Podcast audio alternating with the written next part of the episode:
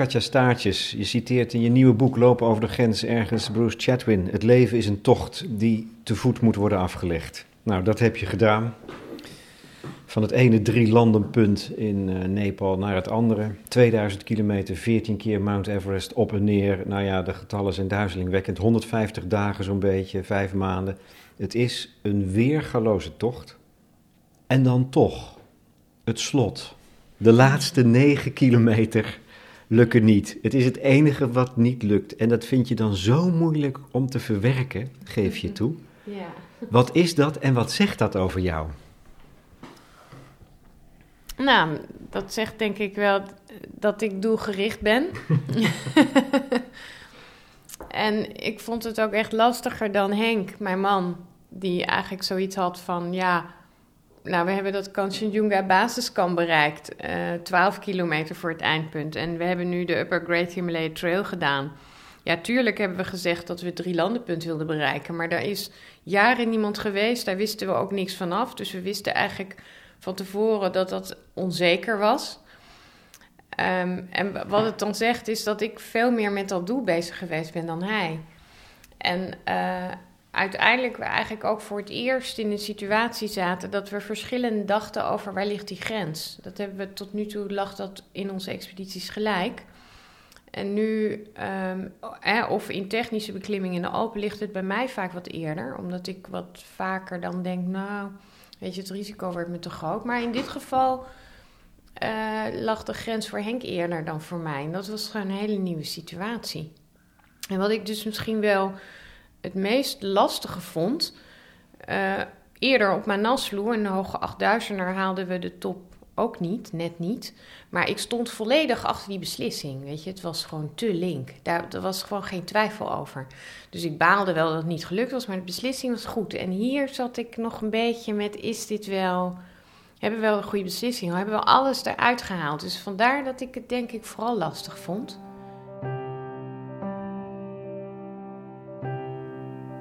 We trekken in het donker Langzaam door het besneeuwde puin- en blokkenterrein en zakken regelmatig diep weg, nu al, midden in de nacht.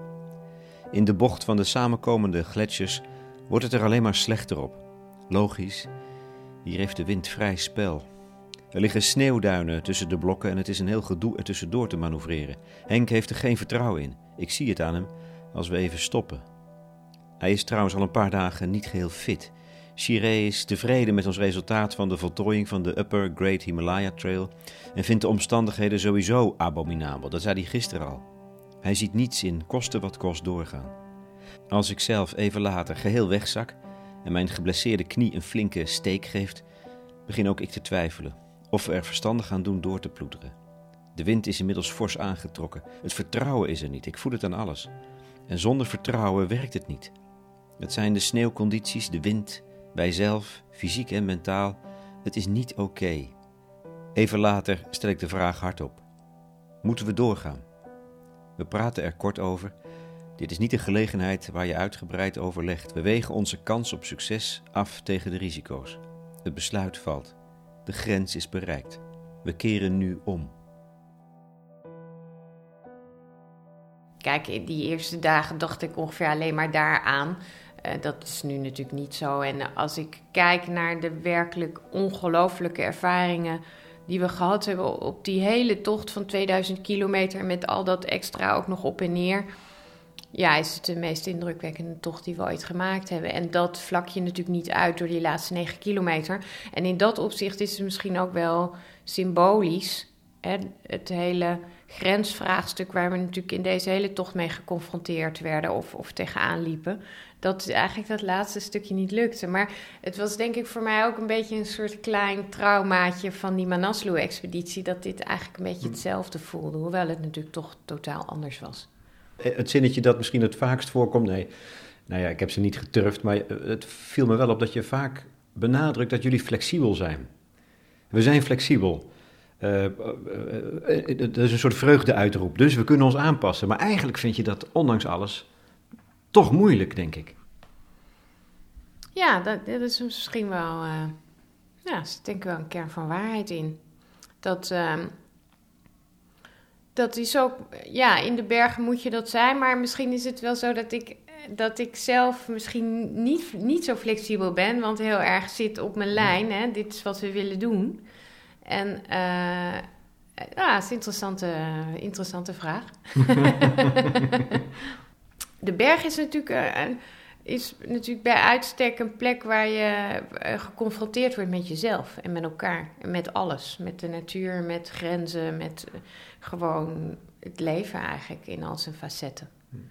Um, jij zei uh, onlangs, uh, het is een intense ervaring in het nu. En dat is het in feite ook. Ja, het is zo, in, het is gewoon een snelkookpan met, in alle aspecten van het leven eigenlijk. Daarom is het ook zo'n indringende ervaring en, ook zo mooi. Ja. En, en precies daar heb je dan als, als, als Katja Staartjes nog altijd de behoefte om het te controleren. In het besef dat het niet kan. Nee, maar dat is natuurlijk. Je hebt, dat, dat is wat mij vertelt, onder andere. Dat je beide dingen eigenlijk nodig hebt. Ja. Misschien is dat wel waarom jullie ook zo'n goed team zijn. Hè? De ene kant het ongelooflijk doelgerichte. En aan de andere kant het vermogen om het, als het echt niet kan, om het los te laten. Ja. Die balans. Ja. Hoe moeilijk. Ja, en dat is misschien wat het moeilijkste wat er is. Ja, ik denk, ja, dat is inderdaad uh, lastig. En als je aan de andere kant inderdaad niet het planmatig hebt en, en het stuk controle, is het ook qua voorbereiding toch echt op zo'n avontuur als dit uh, lastig. Um, want je, eh, ja, je, je kunt gewoon op heel veel plekken natuurlijk geen eten kopen. En je wil wel genoeg bij je hebben, maar niet te veel, want dan kun je het al überhaupt niet meer dragen. Nu was het al een tour, we hebben gewoon een inschatting gemaakt waar kunnen we bij mensen thuis slapen. Hè, waar in de toeristische gebieden zijn lodges, allemaal goed te plannen. Hè, waar is waarschijnlijk water, waar kunnen we prima kamperen en dus hoeveel eten moeten we meenemen. Uh, en waar kun je nog wat kopen, zodat we hè, dat onderweg nog weer aanschaffen. En ja, de insteek was om het om het met zo klein mogelijk team te doen.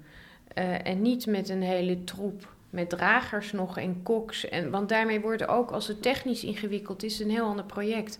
Daarmee kun je ook niet meer grote afstanden afleggen. Want je kunt niet allemaal bij elkaar blijven. En zeker wat wij nu gezien hebben met de wildernis, waar je in zit in het uiterste westen en oosten.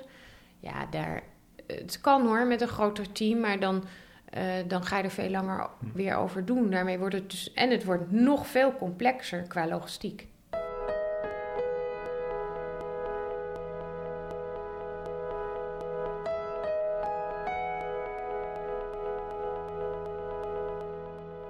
Um, ik heb gevraagd, laat me nou eens drie, fo drie foto's zien die hij echt, die, die, die, nou, misschien niet per se het mooiste zijn, maar misschien wel het dierbaarst zijn of die jou iets vertellen van ja, maar daar gaat het om. We hebben nou, zowel het boek bij ons ja, als ik, uh, laptop. Ik laat je eerst even de foto, een foto zien uit het boek van de tocht. Ja.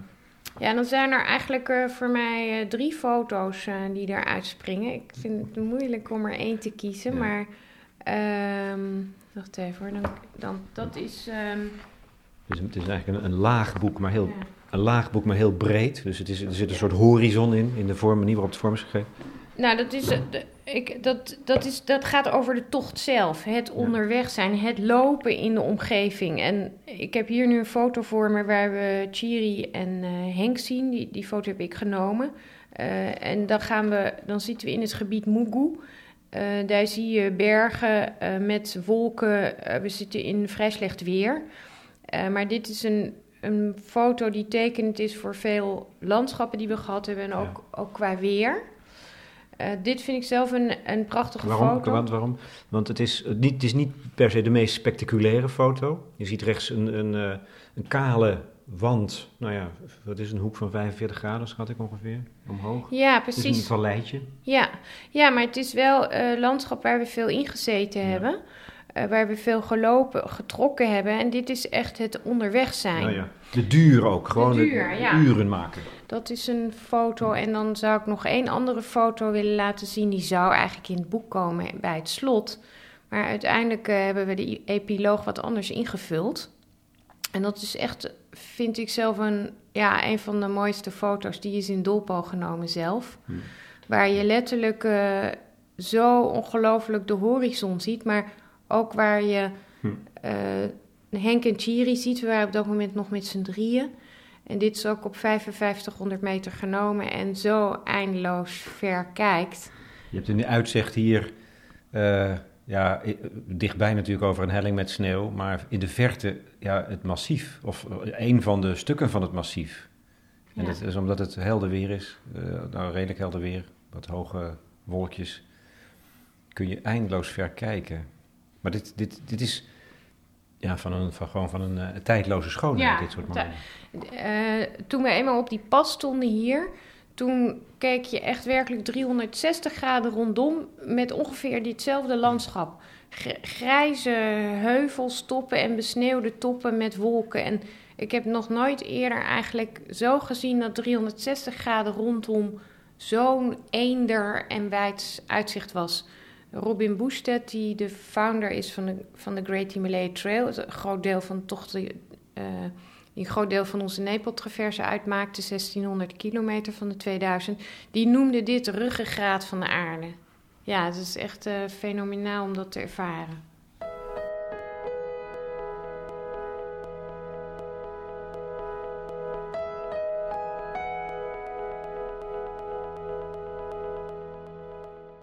Um, het contact met de mensen, de gastvrijheid van de bevolking is echt een ongelooflijke ervaring. Uh, waar we welkom waren bij mensen thuis voor een kop thee, maar ook om te overnachten, te eten. Um, en alles werd aangeboden en meestal wordt in de keuken geleefd. Dus dan slaap je ook met dat hele gezin in de keuken. Heel soms is er nog een andere ruimte. Maar dit plaatje, en ik heb zo hier nog een plaatje in de computer, um, laat zien dat uh, de gastvrouw uh, daalbaat opschept voor ons. Dat is rijst met linzen. En als het mee zit, is er dan nog wat groente of aardappels uh, die heel erg uh, gecurried zeg maar, worden toegevoegd. En dit is de nationale maaltijd, maar die we in zoveel vormen in het land gegeten hebben. En vooral de manier waarop, hè, dat we eten op de grond. Uh, het is natuurlijk een heel simpel keukentje. En dit, dit, de foto is hier klein afgedrukt, maar laat dat denk ik toch uh, heel goed zien. Ja. Het is eenvoud, maar wel tegelijkertijd ook een bijna een grenzeloze gastvrijheid. Ja, ja het is ongelooflijk. En dat helemaal uh, ondanks de armoede van de mensen. Het is echt gastvrijheid, is echt de waarde nummer één in dit land. En dat is zo geweldig om, uh, om dat te hebben kunnen ervaren. En daar kun, kunnen we echt wat van leren. En ik zelf ook, dat ik echt denk, ja, hoe fantastisch gevoel dat is als je zo gastvrij uh, ja, benaderd en behandeld voelt.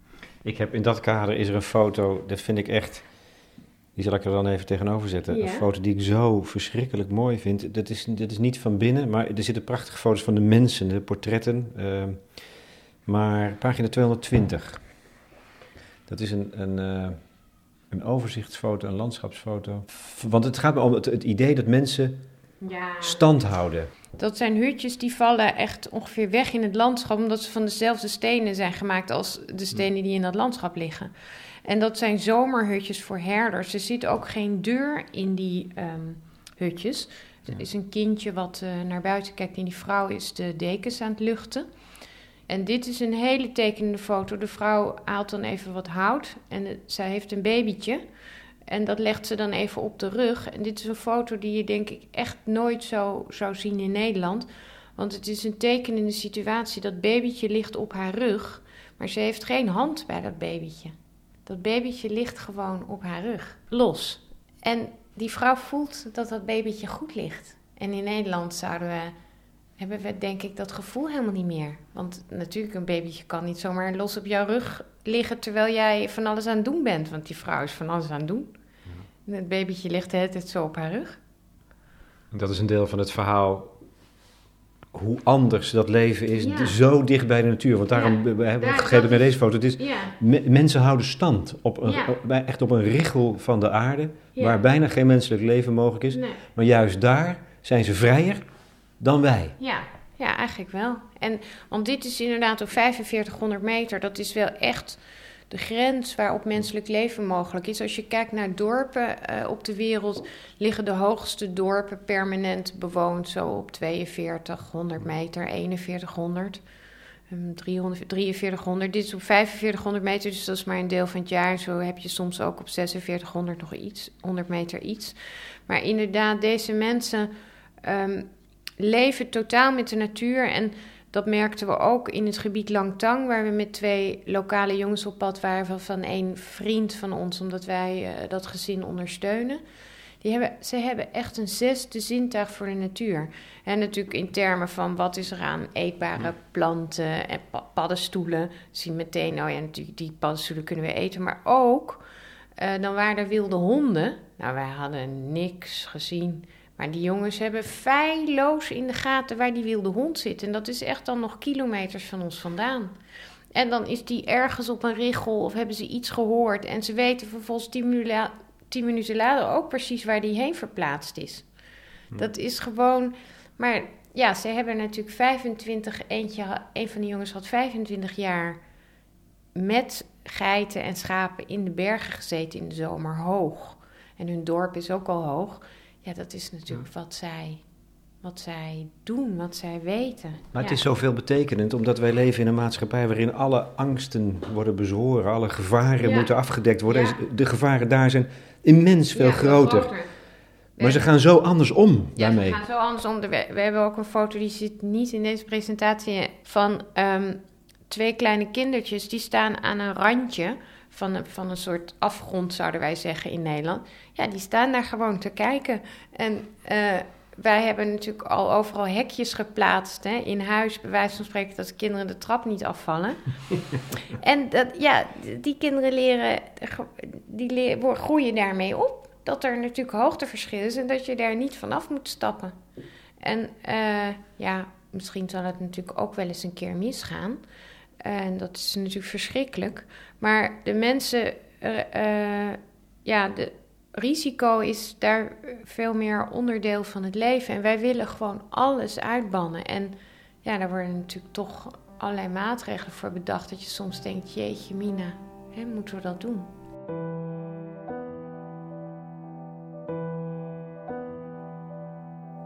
Al snel na de start uit Doemlin begint het te regenen. Eerst een licht voorjaarsbuitje, dan striemende stralen.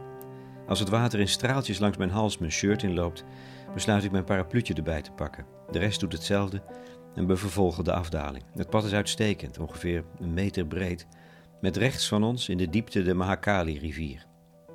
Op een gegeven moment ontmoeten we wat Nepalezen, die beschutting hebben gezocht onder een overhangende rotswand. Ik trek mijn paraplu in om hen aan te kunnen kijken en te groeten, en stap tegelijkertijd opzij om ze te kunnen passeren. Maar de steen waarop ik stap blijkt spekglad en aflopend. Voor ik er erg in heb, knal ik op mijn billen. De Nepalezen schateren het uit en direct voel ik het schaamrood opkomen voor deze onhandige val. Daar zit ik, nog net op het randje. Mijn zware rugzak hangt in het luchtledige en de zwaartekracht doet zich direct gelden. Onder mij gaat het een paar meter verticaal naar beneden. Dan een korte, steile grashelling met een paar struikjes en daarna de afgrond. Als in slow motion word ik naar beneden getrokken en draai daarbij achteruit. Ik realiseer me dat het misgaat. Help. Ik val. Zou het struikje me houden? Schiet er in een flits door me heen. Dan gebeurt er een wonder. Terwijl mijn benen in de lucht steken, word ik nog net vastgegrepen aan mijn schoen. En zo redt een Nepalees misschien wel mijn leven. Beschaamd en beduust bedank ik de man en we trekken al snel verder vanwege het slechte weer. Pas later dringt in volle omvang tot me door wat er gebeurd is. Wie was deze held eigenlijk? Bomji weet het precies en ook dat we die middag zijn huis in het dorpje Sina passeren. En zo kan ik een paar uur later zijn moeder bedanken voor de heldendaad van haar zoon. Middels een briefje met daarin gewikkeld een geldbedrag in roepies, een pen en een sleutelhanger met een geel houten klompje.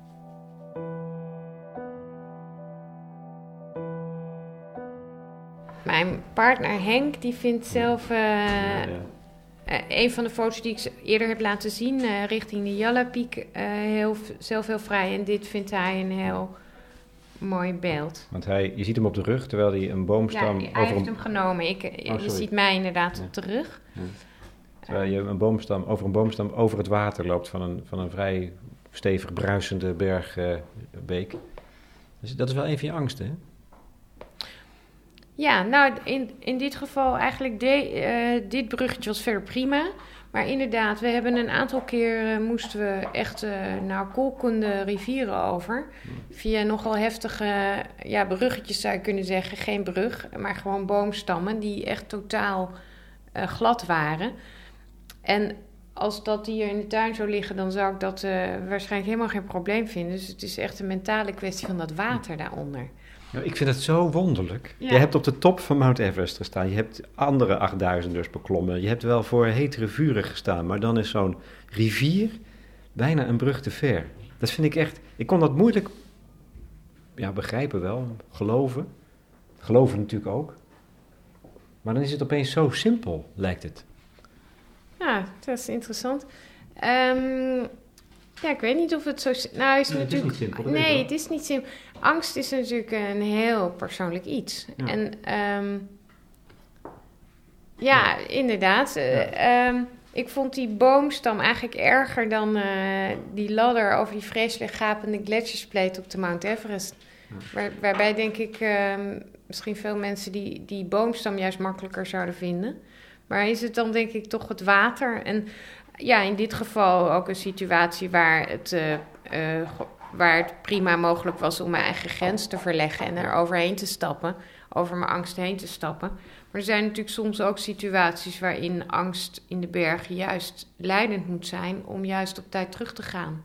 Ja, maar dat is misschien wel een van de belangrijkste ja, spanningsvelden waar het over gaat, hè, lopen over de grens. Ja. Wanneer moet je een grens over? Wanneer is een grens er uh, uh, om over te om gaan? Over te gaan? En En wanneer- wanneer moet je hem respecteren? Ja, ja. Dat kun je nooit weten, volgens nee, mij. dat weet je niet. Dat weet je, dat moet je op het moment zelf. Je kunt daar allemaal theorieën over hebben. Je kunt erover praten. Ook, ook met grote beklimmingen trouwens kun je daar als team allemaal over prachtige.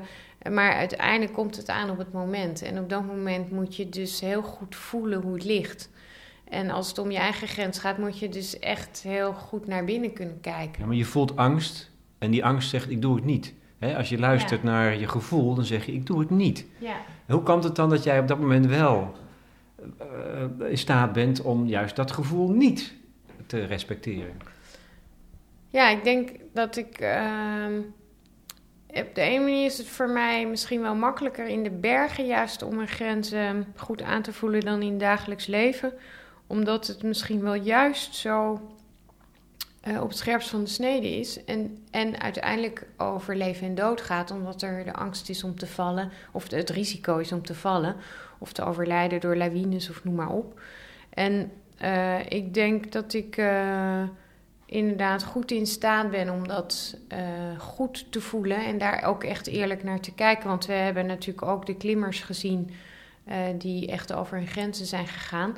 Maar ook in deze tocht, eh, nou ja, zijn we een aantal keer hebben we gezegd. eh, ehm, ja, dat is de grens. Dat was natuurlijk dat eindpunt, dat Ja. we eerder omgekeerd zijn. Maar we, we zaten op een gegeven moment ook voor de, voor de keuze: gaan we een lastige traverse doen door Nepal die niet eerder gedaan was. Waarbij ik met een blessure liep aan mijn kuit doordat ik daar een vallende steen op had gekregen in een afdaling waar ik verder niks aan kon doen, maar die knalde mijn kuit in. Ehm, en we hebben toen voor gekozen om die lastige weg niet te nemen, maar het alternatief was ook vrij lastig, omdat we uiteindelijk toen eh, Tibet in gegaan zijn. Ja. Wat natuurlijk eigenlijk eh, niet mag, niet de bedoeling was, waar we een omweg genomen hebben, maar waar technisch gezien de route makkelijker was. Maar is dat dan ook de verklaring voor het feit dat wij in onze eh, hoog ontwikkelde samenleving alles, alle gevaren proberen af te dekken en de controledwang zo groot is? Zit dat, zit dat opgesloten in wat je net zei? Dat juist waar het over leven en dood gaat in de bergen, dat daar je intuïtie zuiverder wordt. Dat je daar gewoon veel beter weet hoe je het moet doen. Omdat je dichter bij die grote vraagstukken van leven en dood staat. Ja, ik denk dat dat zo is. Eh, ehm, inderdaad, je staat daar veel dichterbij, dus je moet er ook veel beter naar kijken. Nu is inderdaad wel de vraag, waarom, waarom zijn wij dan hier alles aan het uitbannen? Ik denk dat dat ook een kwestie is van... ehm, we zitten in een ongelofelijke luxe situatie en vervolgens ga je kijken telkens wat kunnen we nog verder verbeteren. En we zitten volgens mij steeds meer in een claimcultuur, zoals in Amerika, waarin mensen bang zijn om verantwoordelijk gesteld te worden of grote claims aan hun broek krijgen. En dat leidt er volgens mij toe dat je dan dus gaat zeggen: oké, maar dan gaan we al dat risico uitbannen. En dat leidt natuurlijk tot steeds gekkere maatregelen. En ik denk dat er misschien wel nu voor het eerst een tendens komt waarin daar ook allemaal kritische vragen over gesteld worden, moeten we dat eigenlijk wel willen? Moeten we wel al die risico's willen uitbannen? En ja, er zitten natuurlijk gewoon risico's ook aan het leven. We kunnen natuurlijk met z'n allen hier gaan zeggen, we gaan... Nou, Henk bijvoorbeeld werkt aan onderhoud voor het spoor. Nou, de Arbo-wetgeving is zo streng aan het worden dat ze hun werk bijna niet meer kunnen doen. Ze mogen nu het spoor niet meer overlopen. Dat is toch, want je zou... Dat zeg, dat zeg je tegen iemand die, die 2000 kilometer door de Himalaya is gelopen. Die mag het spoor niet over, want hij zou onder een trein kunnen lopen. Alsof monteurs niet weten dat dat zou kunnen gebeuren. Nee, natuurlijk. En dus, wat moeten ze nu doen? Kilometers omlopen om vervolgens het spoor over te gaan. Hmm. Ja, en dan dat, dat is dus allemaal bedoeld om het aantal ongelukken te verkleinen. Wat op zich een heel goed streven is hoor, daar ben ik het helemaal mee eens. Maar je, je moet op een gegeven moment wel kijken, jongens, ja, ergens zit. We kunnen natuurlijk ook allemaal hekken maken langs alle straten van Nederland, zodat de kinderen niet oversteken. Maar je moet op een gegeven moment toch ook die kinderen leren dat er verkeer is. En het is natuurlijk afschuwelijk ongelukken die gebeuren. Maar ja, we kunnen niet alles uitbannen.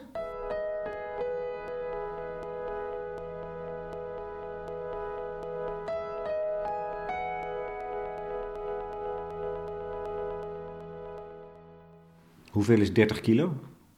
Ja, op, dat is heel zwaar. Het is de helft van mijn gewicht. Ehm, dus daar loop je soms eventjes wat onder te zeulen. Maar het mooie is dat het gewicht elke dag minder wordt, omdat je eten opeet en gas gebruikt. Dus, uh... Het zijn van die details, hè, waar ik me nauwelijks bij kan voorstellen wat het is, hoe de ervaring is. Ik zou bezwijken onder 30 kilo, een uur lang. Als je, na een uur zou ik al bezwijken. Dus jullie zijn, of jij bent behoorlijk laconiek in de manier waarop je al dat soort dingen, ja. die voor een ander misschien over heroïek gaan, hè, uh, over beren op de weg, ja, maar dan letterlijk. En het is allemaal, je, je, zonder daar veel bijvoeglijke naamwoorden aan te wijden, noem je het, maar doen we niet zo moeilijk over hoor. Nee, dat klopt wel, ja. Dat, ja. Ja, inderdaad. Dat, uh, dat is misschien wel zo, maar ik heb niet zoveel met, uh, met al dat, stoer, dat stoere gedoe, zeg maar. Waarom niet? Waar komt dat vandaan? Mag dat niet?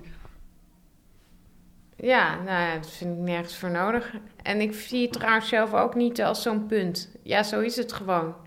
Ja, en ik denk dan uh, inderdaad na drie uur ook van... jeetje, wat is die rugzak zwaar. Maar dan denk ik, morgen is hij lichter.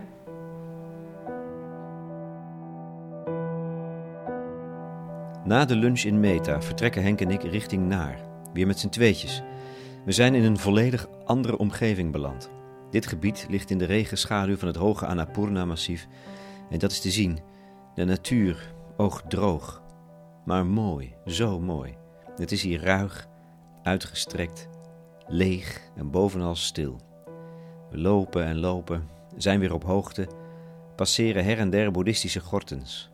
Spiritualiteit is voelbaar tot in je haarvaten. Hoe kan ik uitleggen hoe dat voelt? Het is net als een foto die niet kan overbrengen hoe overweldigend de bergen en de vergezichten zijn. Het is voor mij of de oorsprong van het leven hier ligt. Alles komt samen. En ik kan de hele wereld aan. Precies om deze reden kom ik telkens terug in de Himalaya, voor deze magie. Je gedragen weten door hogerhand. Het is lopen in euforie.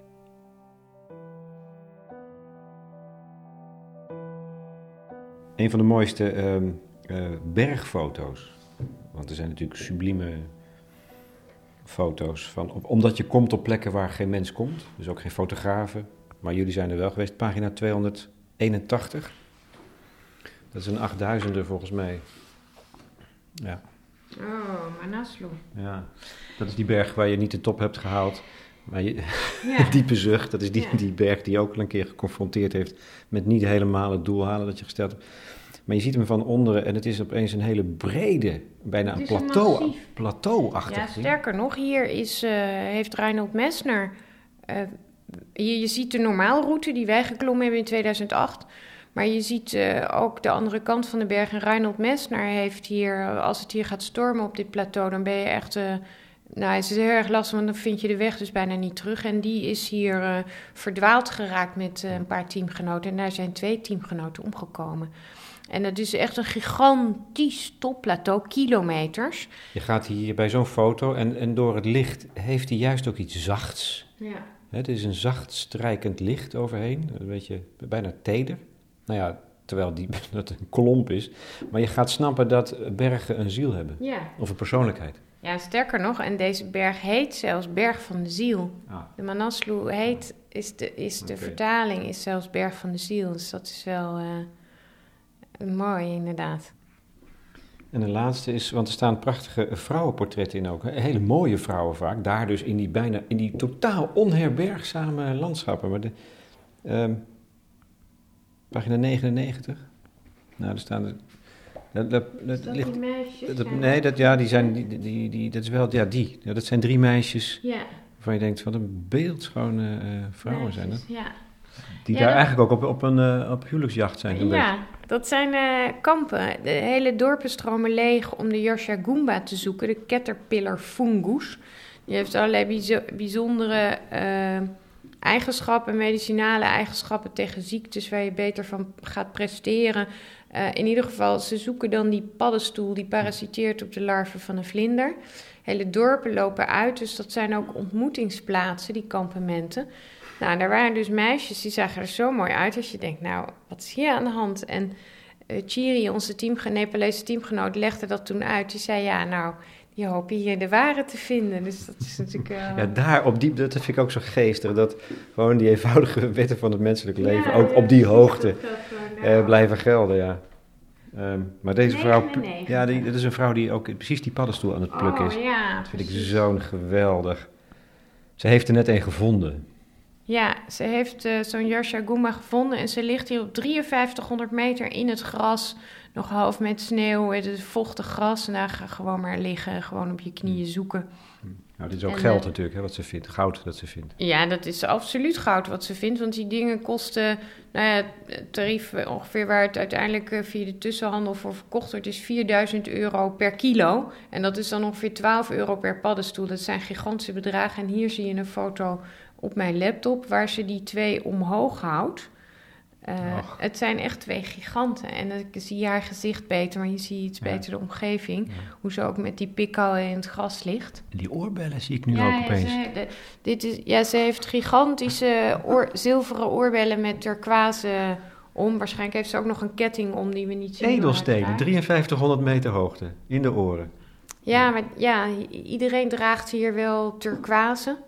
Eh, eigenlijk alle vrouwen, dat, dat komt natuurlijk vaak ook uit Tibet. En het zijn hier toch ook vaak handelaren, want die Yashaguma's, die worden, eh, denk ik, hier van hieruit in Tibet meteen verkocht. Of misschien soms eh, vanuit Nepal via tussenhandel. En dan gaan ze te voet naar Tibet en worden ook nog vaak gesm- gesmokkeld.